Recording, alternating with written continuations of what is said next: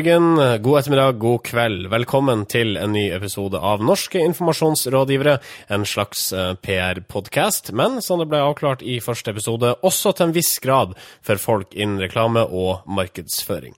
Mitt navn er Marius Staulen, eh, og rådgiverne de sitter i en grønn sofa. Vi begynner til min umiddelbart nærmeste her. Marius Størkelsen eh, sitter her, umiddelbart nærmest, eh, som vanlig. Eh, Både ja, fysisk og eh, når det kommer til eh, hjerte og sinn. Riktig. Og til din venstre. Det er Sindre Holme som sitter eh, til eh, deres venstre her, ja. Ja, og du får vist ut til vindusplassen eh, på denne litt regnete dagen. Ja, Men det gjør ikke noe, det, altså. Nei. Eh, Det er, fort, det er litt varmt ute, så det går greit å sitte litt sånn i vindusåpningen, selv om det er åtte etasjer ned. Ja. Eh, dere som er her sørifra, hvordan vil dere betrakte været så langt denne våren skråstrek sommeren? Bra. Eh, VG hadde jo en veldig sånn interessant oversikt, det var i fjor, da, men den viser at eh, antallet soldager per sommer har økt eh, eh, jevnt og trutt siden, siden eh, midten av 80-tallet. Altså? Eh, og det betyr at selv om vi tror det bare blir dårligere og dårligere vær, så sånn statistisk sett har det gjennomsnittlig blitt bedre og bedre vær.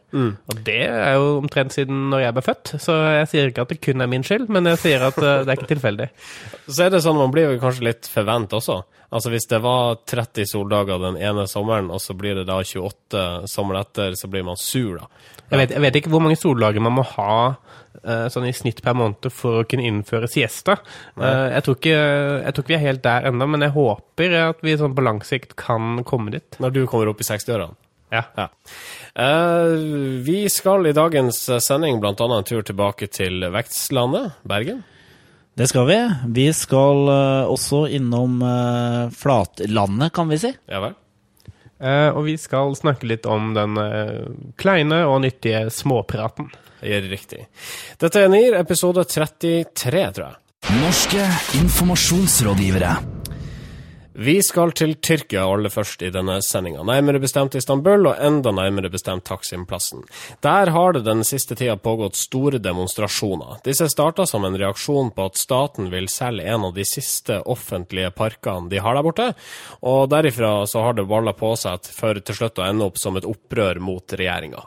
Saken har fått stor oppmerksomhet i verdenspressa, også her hjemme, særlig hos VG. Ja, de store mediehusene her i Norge de har jo tilgang på nyhetsfeeder, eller videofeeder, da, fra store nyhetsbyråer som Reuters og Ap, f.eks. Uh, I det tilfellet her så har Reuters eh, journalister på plass, eller videojournalister på plass i Istanbul, der opptøyene var. Og eh, VG bestemte seg for å sende uh, disse feedene i eh, fem timer, lå de på uh, i strekk I sanntid. i samtid. Uh, og det som skjedde da, var at eh, mange tyrkere I Tyrkia så var jo den saken her eh, sensurert. Den var ikke på statlig fjernsyn. Man, eh, I gatene så så man blod og tåre, tåregass, mens eh, på TV så man på Tyrkias svar på Ingrid Espelid Hovig, altså fjernsynskjøkken. Altså de eh, TV-stasjonene sensurerer bort eh, ubehagelige nyheter, da. Eh, og og da var det mange tyrkere som så da via sosiale medier at her, eh, her kunne man se hva som egentlig foregikk i vårt eget hjemland, eh, i VG. Eh, og det var jo noe ganske nytt, for VG fikk jo da flere millioner views på denne feeden. Og det var hovedsakelig tyrkere i Tyrkia. Og det er jo noe nytt. Altså, det har jo ikke skjedd i Norge før, at en norsk, en norsk medium har så mange utenlandske seere. Ja, og, og det jeg lurte litt på, hva, hva som var VGs eh, motivasjon for å gjøre det. Om de måtte være såpass oppdatert på de journalistiske forutsetningene for tyrkiske journalister at de tenkte at her har vi faktisk en mulighet til å også trekke en del trafikk og faktisk være et medium for tyrkere, eller om det var en, måte, en vurdering av de norske nyhetskriteriene, eh, hvor de da faktisk prøvde å først og fremst komme ut med nyheter til nordmenn. Fordi eh, hvis eh, førstnevnte er eh, tilfellet, så er jo det en veldig interessant måte da for VG å gjøre seg relevant i en, en større verden. Men hva skulle de ha tjent på det? De har jo ikke tyrkisk reklame, ei heller tar betalt for sendingene på nett. Nei, man, man kan jo, jeg- vet du har litt vondt for å tro dette om VG, men, men det finnes faktisk en del journalister her som ønsker å formidle også eh, viktige verdensnyheter og gjøre eh, faktisk en forskjell i samfunnet, og som ser på det samfunnsoppdraget som viktig. da. En annen ting er jo, eh, når vi snakker om eh, annonsekroner, så er jo det ikke nødvendigvis sånn at eh, man ikke kan annonsere for tyrkiske produkter eh, på VG. Det er jo noe som heter retargeting, f.eks., som er, handler om at hvis en uh, tyrker ser en, uh, er interessert i en annonse på en tyrkisk uh, nettside, så kan den dukke opp på VG også. Mm. Fordi at man kjøper annonse gjennom annonsenettverk som, er, som går over landegrensene. sånn at det er faktisk en kommersiell, faktisk ganske interessant tanke også. Mm. Vi tenkte jo litt sånn når vi spilte inn dette som en sak, så var det jo sånn altså den rokker jo litt ved det her nyhetskriteriene. Nærhet, f.eks., som er viktig for folk. altså Jo lenger unna en nyhet utspiller seg, eller en uh, hendelse utspiller seg, jo mindre interessant er den. Uh, og liksom både det at det er en feed som er ukommentert, som er egentlig råvideo fra et sted ganske langt unna Ikke like interessant som uh, f.eks. 30 timer med intervju med Hans Olav Lahlum. Nei, nei. ikke sant? Altså, man vet jo ikke Man vet ikke på forhånd hva som blir interessant for folk. da. Og siden, siden uh, videobilder uten kommentarer er egentlig det er jo språkløst, på en måte. Altså, Det er jo noe alle kan forholde seg til. Mm, det er som Hurtigruta minutt for minutt og Nordlandsbanen minutt for minutt. Ja, det er egentlig det. Tyrkiske opprør minutt for minutt. Ja. Men, men, at, uh, men samtidig så har jo uh, altså, Norge har et stort tyrkisk uh, samfunn også. Det er mange tyrkere som har utvandret til Norge, og egentlig store deler av Europa generelt. Så det er jo klart at selv om man ikke hadde klart å nå fram til eh, Tyrkia her, eh, hvis det var et mål, så er det likevel relevant for ganske mange. fordi nærhet er både fysisk, geografisk nærhet, men også opplevd måte, nærhet sånn, eh, på et følelsesnivå og kulturelt, og sånn, hva som er opplevd som relevant. Mm. Eh, eh, Nå er det vel, som vi diskuterte eh, for et par sendinger siden, så er VG på mange måter å betrakte som pionerer innen denne type eh, nettformidling, da. Er det kun VG som kunne gjort også dette? Det virker for meg som det er kun VG som, som tenker eh, eksperiment, da, eh, i den grad på medieflatene sine. At eh, det er kun VG som prøver å, å se hva som kan eh, Nye ting som kan gi klikk og seere. Og ikke bare forholder seg til hva de eh, tror folk har lyst til å se. Eh, tommel opp eller tommel ned, da? Ja, tommel opp. Tommel opp for det, og nå har vi jo snakket om VG kanskje fem ganger på rad eh, her i NIR, så det er klart at med. de har veldig stort gjennomslag hos oss. Eh, Godt jobba der. Godt jobba der òg. Eh, og hvis vi prater mer om VG neste gang, så havner vi i vår egen Ikke gjør dette Nå prater ikke vi mer om VG, for de skriver om oss. Det, Norske informasjonsrådgivere. Vi skal til Bergen. Der foregår det en kampanje om dagen kalt Vekstlandet. Den har vi snakket om før. Den er altså iverksatt for å tiltrekke seg flere kloke hoder til Bergen by. Og nylig, for å fremme denne kampanjen, så ville Business Region Bergen ha toppolitikere til å gå i et regissert demonstrasjonstog i byens gater under appellen 'Vi trenger 32 000 nye arbeidstakere'. Men det var ingen politikere som var særlig interessert i å være med i dette toget, det melder Bergensavisen. nei, det stemmer. Eh, Businessregion Bergen eh, samarbeider jo tett med Gelmaiden Kise her i Oslo. Eh, og denne Vekstlandet-kampanjen har vi diskutert før, for det var jo en litt sånn bråk både i eh, BA, men også i Bergens Tidende rundt dette her. Og det var en som mente at det å importere Oslo-kompetanse, når man tydelig har kompetanse i Bergen til å løse akkurat de samme oppgavene, det var teit. Uh, og det er mulig at dette, altså denne sånn, uh, vanskeligheten fra bergenspolitikerne er et resultat nettopp av denne tankegangen. At vi skal ikke høre på hva de kommer med, i hvert fall. Eller bare at kampanjen Altså, de sier jo i kampanjen vi trenger flere hoder. Vi har ingen PR-folk her, så vi må leie inn PR-hjelpa inntil videre. Ja, men det er det. Altså, men det som er interessant med denne, denne saken, syns jeg, da, er at, at det har kommet ut at de nekta. For det er jo tydeligvis at noen her, i tillegg til at de har sagt nei, dette syns ikke er en så veldig god idé, så har de også ringt Bergensavisen og sagt at eh, nå skal dere høre hva Gelmaiden Kise prøvde å få oss med på. Men det som jeg syns er interessant med det, det ligner jo på Det er jo et begrep for den eh, typen tiltak som det er. Det kalles for astroturfing. Astroturf er jo kunstgress. Eh, og det er liksom en kunstig grasrotaksjon, dette her. ikke sant? Eh, men det som er problemet, er jo hele ideen er jo ikke god. For at i en demonstrasjon så må man ha en fiende. Eller et må, altså, man må ha noe man demonstrerer mot. Og her demonstrerer man egentlig ikke mot noe. Eh, Han er en fravær av kloke hoder. ja, og de er jo ikke i Bergen. Nei. det er ikke der engang. Det ble distribuert her gjennom VGTV eller noe sånt. Da. Det er i hvert fall nådd. Jo, jo, men jeg, jeg forstår jo ideen, altså tankene. For det, det er en, en, et tiltak som skal være veldig visuelt. ikke sant? Altså, Toppolitikere går i tog med, med faner. Ja. Ja, men altså, det, er, det, er, det er gode bilder. Eh, altså, Jo. Ja, er det egentlig det? Det Altså, er det, ikke- selvfølgelig er det gode bilder. Herman Friele i demonstrasjonstog Det bilder. med eh, ikke de Ja, men det, det er gode fordi de er rare, tenker, jeg. Altså, jeg syns det er en en morsom idé. Jeg synes ikke den så Du, likte ideen? Jeg likte ideen litt, Ja. og jeg, jeg syns at uh, jeg, jeg skjønner også at politikerne sa nei til det. Jeg tenker sånn, altså, hvorfor, Hva i verden skal de ha å tjene på det? Det er man ikke de som nyter godt av kloke hoder. Det er jo den sittende administrasjonen som vil få æren for å ha hentet eventuelt nye hoder eh, til Bergen, hvis denne kampanjen fungerer. Eh, og det er ikke de folkevalgte som først og fremst da egentlig kan stå og ta æren for det. Altså, jeg, jeg hadde syntes det hadde vært en bedre idé å kledd ut Herman Friele som klovn og fått den til å stå og gjøgle oppå NTNU og sagt at 'kom til Bergen, da'! Bergen! Der alt skjer, sant? Se, nå tar jeg med tre baller. Altså, fjollete, men, eh, men det hadde hatt noe for seg, da. Det hadde vært noe ydmykt over det. Liksom, ja, faen, kom hit, da. Vi, har- vi trenger det. Men, men jeg, jeg er også ganske sikker på at, inn, at denne ideen inneholdt mer enn det som har kommet fram. Da. For jeg tror også Bergensavisen har en egeninteresse av å måtte fremstille dette som litt toskete, og som litt sånn gjennom, dårlig gjennomtenkt og litt sånn PR-bransje. PR altså, ja. jeg, jeg tror på den konspirasjonen. Da. Bergensavisen mot, mot uh, GK. Så du Eh, føler at Gelmund Kise blir urettmessig hengt ut her? Ja, litt. Uh, og i tillegg, altså, Det er ikke sikkert at ideen kom fra dem engang. Det kan like godt være Businessregion Bergen, uh, aka BRB, aka Be Right Back, eh, som, eh, som kom med dette her. Eh, nå er jo ikke jeg leid inn for, å, for å hjelpe Gel Gelmund Kise i den saken her, men, det, men jeg skulle kanskje vært det. Jeg tenker at det viktige her er jo å gjøre Bergen attraktiv, for det er jo folk utenfra byen de skal ha inn.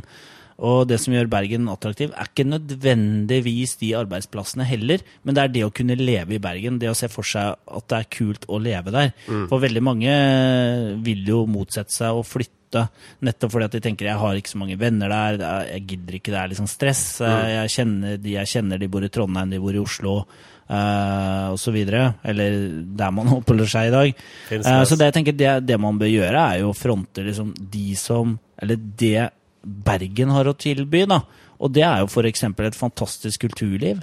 eh, som jeg tror mange unge folk er opptatt av. Ikke vet jeg. Og helt sånn avslutningsvis, altså vil jeg sånn, a- eh, arrestere Bergensavisen litt på eh, sånn aversjonen deres mot begrepet regissert demonstrasjonstog. Eh, alle demonstrasjonstog er regissert. Det finnes ikke spontandemonstrasjonstog. Det kalles gatekamp. Jeg liker at du tar kontroll på sendinga ved å si sånn avslutningsvis, så vil jeg si dette. Og Ja, vi er ferdig diskutert. på en måte stadfeste at nå er vi ferdig diskutert, og vi skal videre. Ja. La meg sette punktum ved å si Nei, Marius har allerede sagt punktum, Ja, og det- det er helt korrekt, vi skal videre. Det er ingen hemmelighet at landets eh, redaksjoner, noen mer enn andre selvfølgelig, står overfor eh, store utfordringer om dagen. Mange av de store mediehusene har allerede gjennomført kraftige kutt. Eksempel har Schibsted-konsernet kutta over 300 stillinger det siste året, hvorav halvparten forsvant i bastionen Aftenposten. Eh, men til tross for dette her, så holder journalistyrket stand og har fortsatt høy status. Ifølge kampanje opplever nemlig mange redaksjoner en sterk økning i antallet søknader på sommerjobb i år. Ja, altså folk har fortsatt lyst til å bli journalister, og har et, eh, tydeligvis da et formidlingsbehov.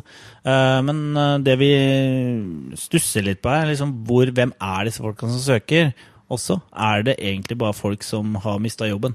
Jeg, jeg tror de som søker eh, altså, Det er kanskje litt folk som uh, har mistet jobben og som gjerne vil komme inn et sted og bevise hva de kan. Det er altså uh, helt tydelig at uh, interessen for journalistutdanningen er eh, bare stigende. Eh, flere og flere søker seg til journalistutdanningene, og eh, masse unge, flinke folk kommer ut eh, fra Journalisthøgskolen hvert år kun for å finne ut at den eneste muligheten de har, er kommunikasjonsbransjen, eller blogg.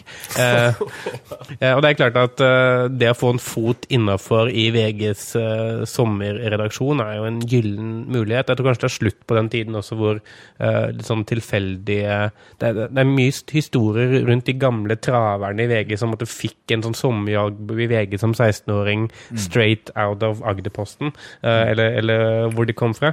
Eh, og den tiden tror jeg nok er litt forbi, da.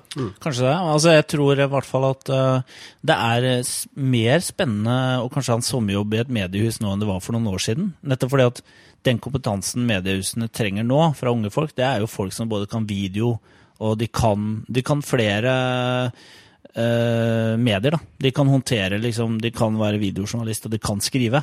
Uh, og det er jo spennende kompetanse som mange, sitt, mange unge folk sitter på. De kan redigere video.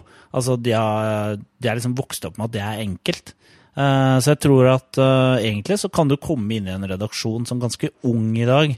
Eh, og få egentlig ganske mye innflytelse. Nettopp fordi at du kan mye håndverk som ikke de gamle journalistene kan. Men med tanke på, eh, hvis man ser på eh, det som er blitt skrevet om mediehusene de senere år, Uh, altså nedbemanning, man ser at enkelte uh, aviser står i faren for å gå dukken. Uh, man skulle nesten tro at det gjør et eller annet med folks tilbøyelighet til å velge journalistyrket. Jo, jo men, men samtidig så tror jeg at uh, det er veldig mye rett i det Sindre sier, at mediebransjen er den bransjen som kanskje er den mest sånn dynamiske, uh, som, og opplever de største endringene, og hvor teknologi raskest blir adoptert og faktisk får en sånn nytteverdi med en gang. Da. Eh, VG hadde 1600 sø- sø- søknader på sommerjobben sin i år.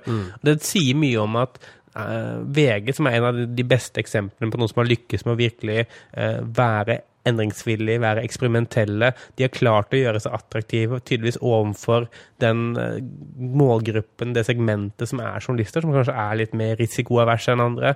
Kanskje er litt mer søkende, litt mer interessert i nye ting. Følger med på medier, følger med på tek teknologi.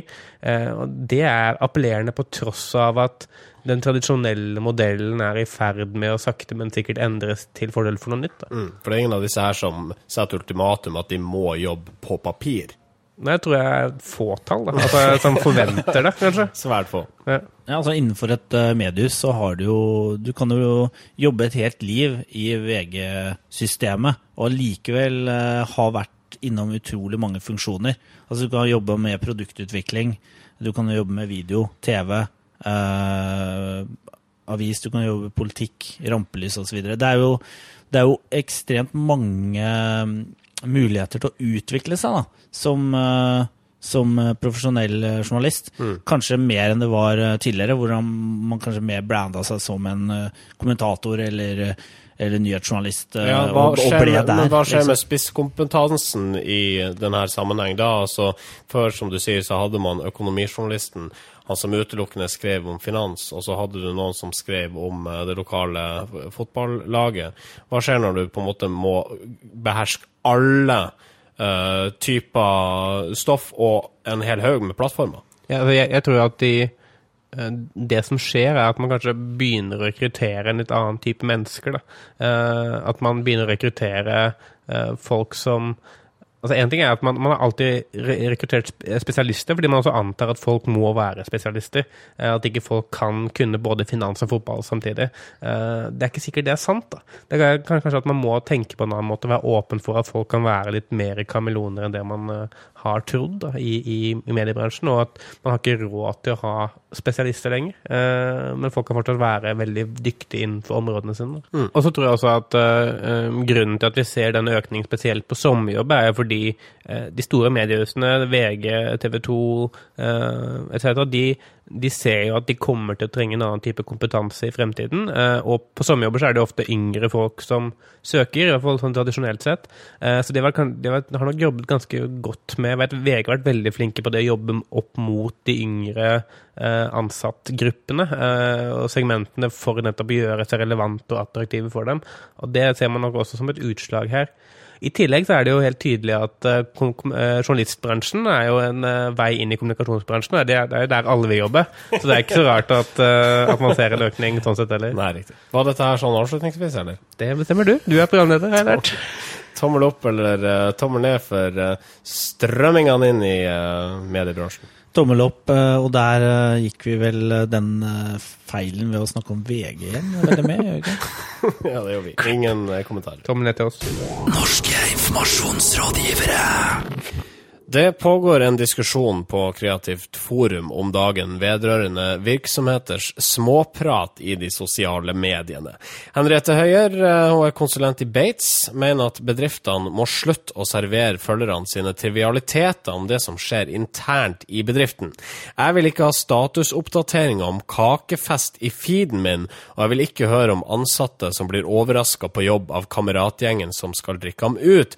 Det skriver Høyer i et innlegg på Kreativt forum. Henriette Høyer sitt eh, innlegg er et svar på Nina Furu, eh, som er en eh, webekspert. Som er veldig anerkjent i Norge, og som har vært ute og sagt at norske bedrifter må verdsette småpraten. Altså Du må være flinkere med småprat i sosiale medier. For med småprat så kan du få tilgang til eh, hjertene til eh, dine potensielle kunder. Riktig. Hva er småprat, da? Altså, hvordan definerer vi det? Småprat er jo eh, den derre daglige praten. Og nå skinner sola ute. Eh, er, vi ikke, er vi enige om at det er toppers? Ja, får vi en like for sola? Kom igjen. Putt en like på statusoppdateringa hvis liker like hvis du liker sol. ja, men her er det jo litt sånn to skoler som egentlig står mot hverandre. da. Eh, og Det ene er jo eh, den skolen som kanskje først og fremst forfektes av eh, de som var sånn, de første på sosiale medier, litt sånn guruene der, eh, som mener at eh, man kan skape ekte relasjoner, altså merkevarer kan skape ekte relasjoner med mennesker ved å bruke sosiale medier, eh, Facebook og Twitter. Så kan man eh, skape noe som kan være et sånt Kall det syntetisk vennskapsforhold mellom Nike og eh, Marius Staulen. Eh, eller mellom Marius eh, Torkelsen og Kaffebrenneriet. Altså hvis eh, Kaffebrenneriet sånn eh, Hva syns du om eh, Kaffe Java Mokka? Ja. og jeg svarer på det, og de spør Så takk for at du svarer. Eh, hva syns du om kakao? Mm. så har vi en samtale på Jo, gang. men da, da- da, prater dere i hvert fall Jo, relevant jo, jo. til det virksomheten driver med. Jo, jo, men, men men den andre skolen, da, de mener at uh, den type prat, selv om det er re relevant, det trengs ikke. Eh, merkevarer skal ikke være vennen din. Uh, det skal være, der, være til for deg når, når du trenger det. Mer som en butler. Ja, men altså det er jo Det som kanskje er det store problemet her, er jo at den småpraten som norske bedrifter bedriver i sosiale medier, er kjedelig og fantasiløs, uten humor osv. Eksempel. Nei, altså når en uh, pizzakjede spør Ja, uh, liker du sprø skorpe på pizzaen? Like hvis du liker sprø skorpe. Jeg, jeg, jeg tror det er for mange eh, såkalt sånn vaniljemerkevarer på Twitter altså, eller, og, og Facebook. Eh, eh, merkevarer som ikke ønsker å eh, støte noen, og derfor blir de heller ikke veldig godt likt av noen. Det er vanilje. Uh, og uh, jeg, jeg tror det er to ting som fungerer hvis man måtte skal ha uh, en høy engasjementsrate på, på Facebook. Det er provokasjon eller humor. Eh, og eh, enten må du bare provosere nok folk til at de faktisk engasjerer seg, som kan fungere hvis man gjør det clever, eller bare være morsom nok til at folk syns det er gøy. Eh, og eh, den siste er jo kanskje minst like vanskelig som den første, fordi humor er jo veldig eh, sånn, individuelt og veldig subjektivt. Eh, og hvis man prøver for hardt, så blir det ikke morsomt, osv. Det er så mange regler der som man kan falle utenfor. Men det kan jo være Man kan da også tilby en eller annen form for reell verdi, og begrunne tilstedeværelsen sin i de sosiale mediene eh, med det. F.eks. at eh, Storm Weather Center tilbyr eh, eksepsjonell info om været, eller at eh, 7-Eleven gir deg rabattkoder f.eks. som du kan slå til på her og nå for å få billigere kaffe etc. Jo, jo, men, eh, men da, da snakker vi om eh, relevant. Altså, eh, VG også kan jo tilby meg veldig mye relevant innhold. eh, eller, eller Dagbladet, vi skulle ikke snakke mer om VG. Uten at jeg nødvendigvis har lyst til å snakke med dem eller engasjere meg i det sånn, skrive en kommentar, trykke på like. Eh, og, og i den grad eh, merkevarer måler eh, suksess på Facebook i engasjement. Altså hvor mange er det som deler det, kommenterer det, liker det. Eh, så er ikke relevans alene nok da, til å generere disse store engasjementsratene som man ønsker. Men bør det være et mål for alle merkevarer som er aktive på Twitter, Facebook eller hva nå enn, eh, på en måte å gjøre seg relevant også innen småpraten, f.eks. gjennom det du sier, å tilby Eller det å være humoristisk? Bør det være et mål for norske bedrifter? Det er ikke nødvendigvis det. Altså, det kommer an på hvor stor, stor merkevare du er, og hvor, hvor stort uh, Hvor mange antall følgere du har, og liksom hva slags merkevare du er. Uh, men, men jeg tror flere kan bruke mer energi på å finne sin identitet, da, eller liksom kunne spille ut Tenke på hvordan spiller jeg ut vår identitet. Vi er en, Det kan være en sjokoladeprodusent med 200 år lang fartstid. Hvem er vi, Eh, og hvordan synliggjør vi det? Eh, og differensiere oss bort fra en annen sjokoladeprodusent som har en helt annen historie.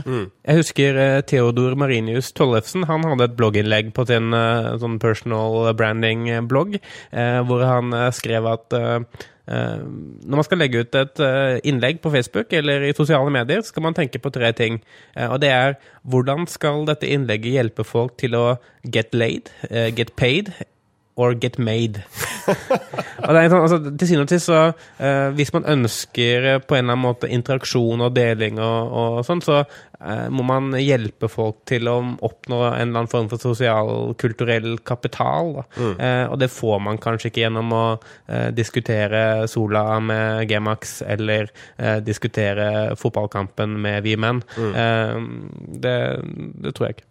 Sånn helt til slutt, eh, er vi enige med Henriette Høyer, eller er dere enige med Henriette Høyer om at det er for mye kjip småprat i de sosiale mediene fra norske bedrifter i dag? Jeg er helt enig i det, men jeg mener at den småpraten kan gjøres mer intelligent. Jeg, jeg syns øhm, Jeg syns kanskje også Henriette Høie bommer litt i innlegget sitt, gjennom at øh, jeg syns hun øh, maler med litt for bred pensel da, til at poenget hennes blir sittende. Uh, så jeg er ikke helt enig med henne. Tommel opp eller tommel ned? Tommel ned? Tommel opp. Snor, snor, snor, klippe, snor, snor, snor, klippe, snor, snor, snor, klippe, klippe, klippe, klippe, klippe, snor, snor, snor, klippe, Snorklipp nytt. klippe. Da ønsker vi hjertelig velkommen til den nye og antagelig høyst eh, uregelmessige spalta Snorklipp nytt. Uh, Mannen som kom drassende med denne til Studio 2 i Nydalen, er også kjent som uh, mannen bak den svært uh, populære, eller i alle fall merkelige, spalta Sindres tidsmaskin. Sindre Holme. Uh, hva er tanken bak Snorklippnytt, egentlig? Snorklippnytt er jo først og fremst et veldig artig ord, uh, syns vi. Og det er jo uh. Nå er det noe sånt at uh, mediene eh, er jo opptatt av så mangt, eh, ikke minst eh, når en statsråd eh, åpner et nytt bygg, en ny vei, en ny bro, en ny tunnel, ikke minst. Ja. En, eh, en ny ferge, ikke så veldig mange av dem, for at de fleste fergene blir jo lagt ned og, blitt, og, og man bygger broer isteden. Ja, for det må jo være et mål i Norge at man faser ut fergene. Ja, det er veldig viktig mål. Altså Hurtigbåter er neste som står på programmet der. Mm. Og de skal bli erstatta av sånne luftputebroer uh, som går over lange avstander. Men det som er grunn til altså Snorklippnytt, da, det er jo en måte å hylle uh, alle de her snorklippingene som gjøres eh, rundt omkring i landet av statsrådene.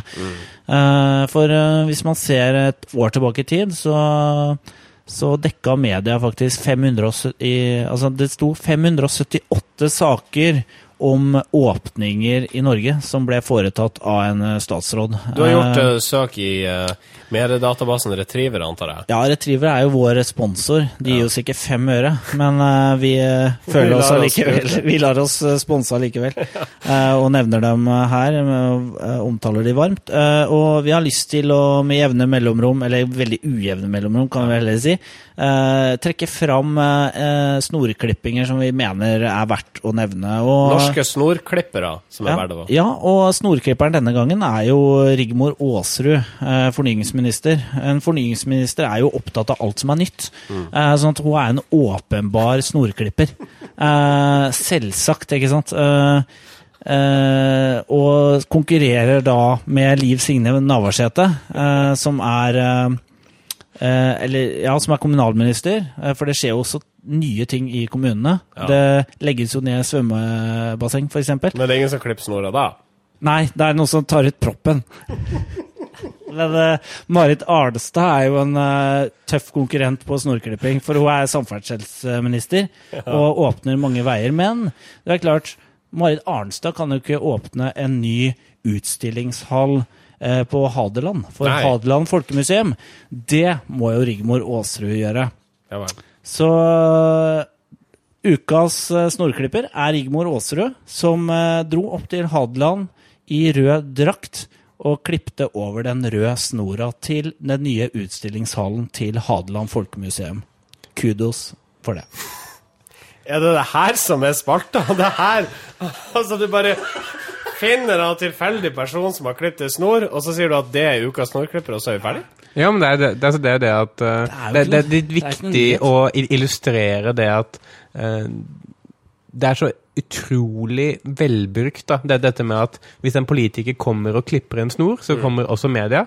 Og så tenker velgerne hmm, kanskje denne politikeren hadde noe med denne eh, hallen eller veien eller sykehuset å gjøre. Ja. Eh, kanskje Rigmor har eh, bygd litt, eh, hvem, hvem vet. Mm. Eh, det, bare, det å være i nærheten av noe nytt, eller noe som fungerer, det, det kan ha en sånn halo-effekt som smitter over på eh, politikerne igjen. Mm. Så vi ønsker bare å illustrere litt sånn hvor eh, at man kanskje kan slutte å dekke alle disse åpningene. Ja, for Det som er litt interessant, det er at Rigmor Aasrud øh, drar jo og klipper denne snora fordi at da eh, fremstår det som om det er henne som har eh, øh, gitt penger til denne hallen. Hun har besørga denne. Ja, ikke sant? Og det er, men dette er et prosjekt som har øh, tatt mange, mange år for å få en ny utstillingshall.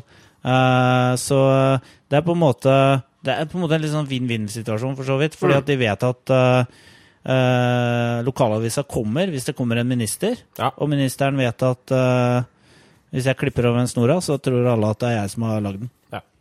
Eller- Gratulerer eh, da til eh, Marit Arnstad, var det? Rigmor? Rigmor Aasrud, var det? Ja, det var det. Ok, jeg tror vi drar Jeg tror vi går videre. Norske informasjonsrådgivere. Vi har forlatt mai, og det betyr bare én ting. Det er klart for den faste spalta her i Norske informasjonsrådgivere, Flatindeksen. Vi har lagt eh, mai bak oss, eh, og selv om det har vært mye eh, fridager, mye inneklemte fridager, så har både politikere, institusjoner og idrettspersonligheter lyktes med å gjøre ting som har vært galt, og som har ført til at de måtte legge seg flate. Vi syns jo dette fenomenet med flatlegging er litt sånn interessant, fordi det skjer så mye av det. Mm.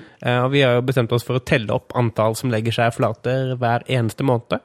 Og eh, putte det inn i en indeks, eh, som vi kaller flatindeksen. Og hvor mange har lagt seg flat i løpet av mai? Eh, Tallet for meg er 24. Det er eh, noe over snittet, men jeg tror det er ganske jevnt med april, hvis jeg ikke husker helt feil. Eh, og jeg skal gå gjennom de topp tre flateste. Riktig. Tredjeplassen den eh, går til Ruter, eh, vår kjære kollektivvenn her i Oslo. Eh, og de ble nødt til å legge seg flate etter at det viste seg at eh, Og det har vært kjent ganske lenge, at de har jo et billettsystem som gjør at hvis man har et månedskort, kjøper nytt månedskort og validerer månedskortet før det andre har gått ut, så blir det ikke validert. Nei. Og det får man ingen beskjed om. Så da går det litt tid, og så blir du tatt i en kontroll, og så, og så viser det at du reiser uten gyldig månedskort, og du får bot. Eh, og dette er kunder som har prøvd å betale, prøvd å kjøpe en tjeneste, eh, og ikke klarte. Eh, Ruter sa først at nei, men dette er jo deres ansvar. Eh, vi har kjøpt et system som ikke fungerer, men dere må faktisk finne ut av det og fikse det selv. Eh, det har de nå gått tilbake på, og de har innrømt at alle som måtte ha blitt, fått en bot for dette, her, de skal få tilbake pengene, og de legger seg flate for måten de har opptrådt på. Riktig. På en andreplass Andreplassen går til Finnmark miljøtjeneste. Det er altså de som er ansvarlig for å samle inn eh, søppel og oppbevare søppel i eh, Finnmark fylke. Eh, de får andreplassen fordi de har jo gjort eh, kall det 50% av det de skal gjøre. De har samlet inn søppelet. Og så har de ikke helt klart å ta vare på det på en fylling, så det måtte alt er bare flagra rundt i lokalmiljøet. Hvilket lokalmiljø snakker vi om? Altså Over hele fylket? På vidda? Eller, Ja, altså, ja. i, eh, det, har gått så langt at på, funn, på folkemunne så har eh, denne, altså disse, denne flagrende søppelet bare blitt kalt uh, miljøtjenesteblomstene. Uh, for det er sånn plassert seg rundt i, eh, i, i, i naturen. Uh, og som eh, daglig leder i Finnmark miljøtjeneste sier, eh, folk sorterer ikke søppel for at miljøtjenesten skal la det flyte i naturen. Og det er sant. Eh, det la de seg flate for, eh, og det, det gir dem en andreplass men ikke første. Fordi førsteplassen den går til Øyvind Korsberg. Eh, Øyvind Korsberg han er FrPs idrettspolitiske talsmann. Og derfor er han jo så eh, veldig engasjert i idrett. Så engasjert at når han så tippeligaoppgjøret mellom Vålerenga og Tromsø, så eh, ble han frustrert når dommer i dette oppgjøret, Svein Erik Edvardsen, ikke ga Tromsø noen opplagte straffer som de skulle hatt. Eh, Det gjorde at han skrev på sin eh, åpne, offisielle Facebook-side at eh, Svein Erik Edvardsen han er åpenbart betalt en haug med penger av Vålerenga for å ikke dømme godt. Eh, Og det ble en del rabalder rundt, nettopp fordi han er politiker, fordi han er eh, idrettspolitisk talsmann, og han er en mulig fremtidig regjeringsperson. Det er mange hatter han har på seg der som ikke går så veldig godt Ja. overens med det utsagnet. Så det å måtte beskylde en dommer for korrupsjon, selv på Facebook, det kan man ikke gjøre, og det innså også han etter litt tid, eh, og han la seg flat. Vi skal vel ikke gratulere Korsberg med prisen, og det er vel heller ikke en pris, ukas flateste. Eh, det- Som, eh, som dikteren sier, det, det krever eh, intelligens, det å være ydmyk. eh, Så det å måtte innse at man skal legge seg flat, det, det kan være en bra ting. Det, altså. Så godt jobba da. Godt jobba. Ni av ti nordmenn elsker Et representativt utvalg av nordlendinger viser at Sørlendinger mest skeptisk til Volvo. hordalendinger best i senga. Kvinner mest opptatt av mild. Oppland på brokkolitoppen. Ukas undersøkelse. Vi kjører vel denne her mest for jingelen. Hjertelig velkommen til eh, ukas eh, undersøkelse. Eh, det er kanskje litt løgn å si ukas undersøkelse, for det er ikke slik at vi kjører denne spalten her hver uke. Men en gang iblant så adresserer vi det faktum at folk i PR-bransjen er svært glad i å konstruere spørreundersøkelser, rett og slett fordi det genererer avisomtale. Ja. Og selv om det ikke er hver uke, så er det jo likevel undersøkelser fra uka som har gått. Mm. Så er jo denne ukas undersøkelser likevel. Touché. Så det er helt greit. Eh, denne uka så har vi egentlig bare én undersøkelse, og det syns jeg er et godt tegn på hvordan eh, Undersøkelser trenger ikke alltid være nyheter. Noen ganger kan det bare bekrefte stereotypier, og det kan være en nyhet i seg selv.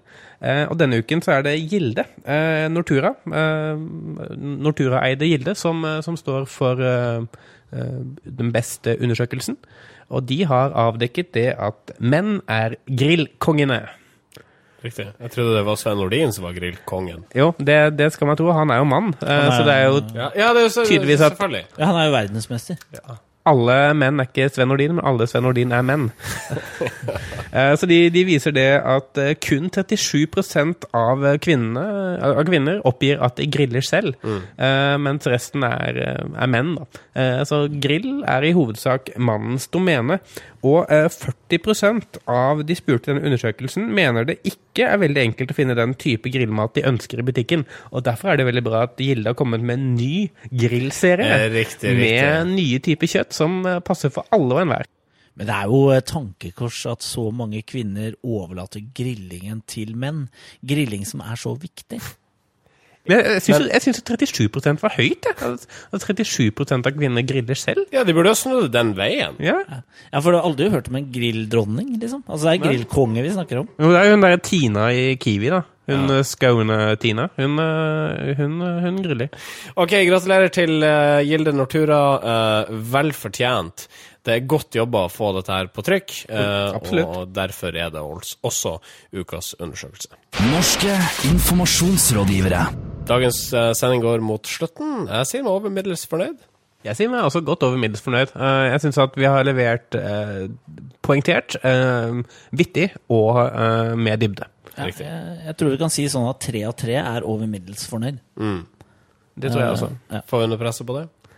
Uh, Nier fortsatt fornøyd med seg selv. Ikke se bort fra det. Ja.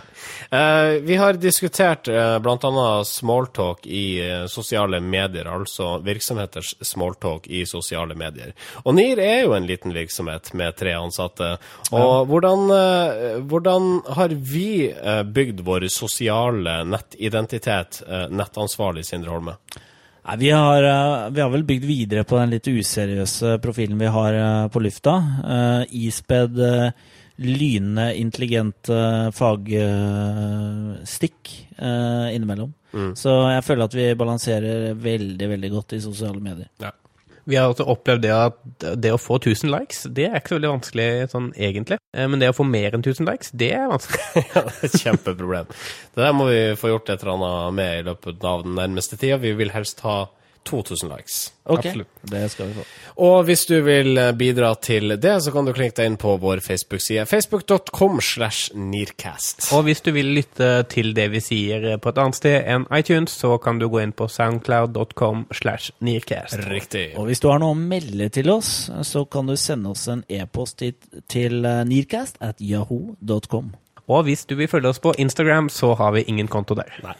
Mitt navn er Marius Staulen, Jeg heter Marius Torkelsen. Uh, Sindre Holme. og vi takker for i dag. Ha det. Norske informasjonsrådgivere.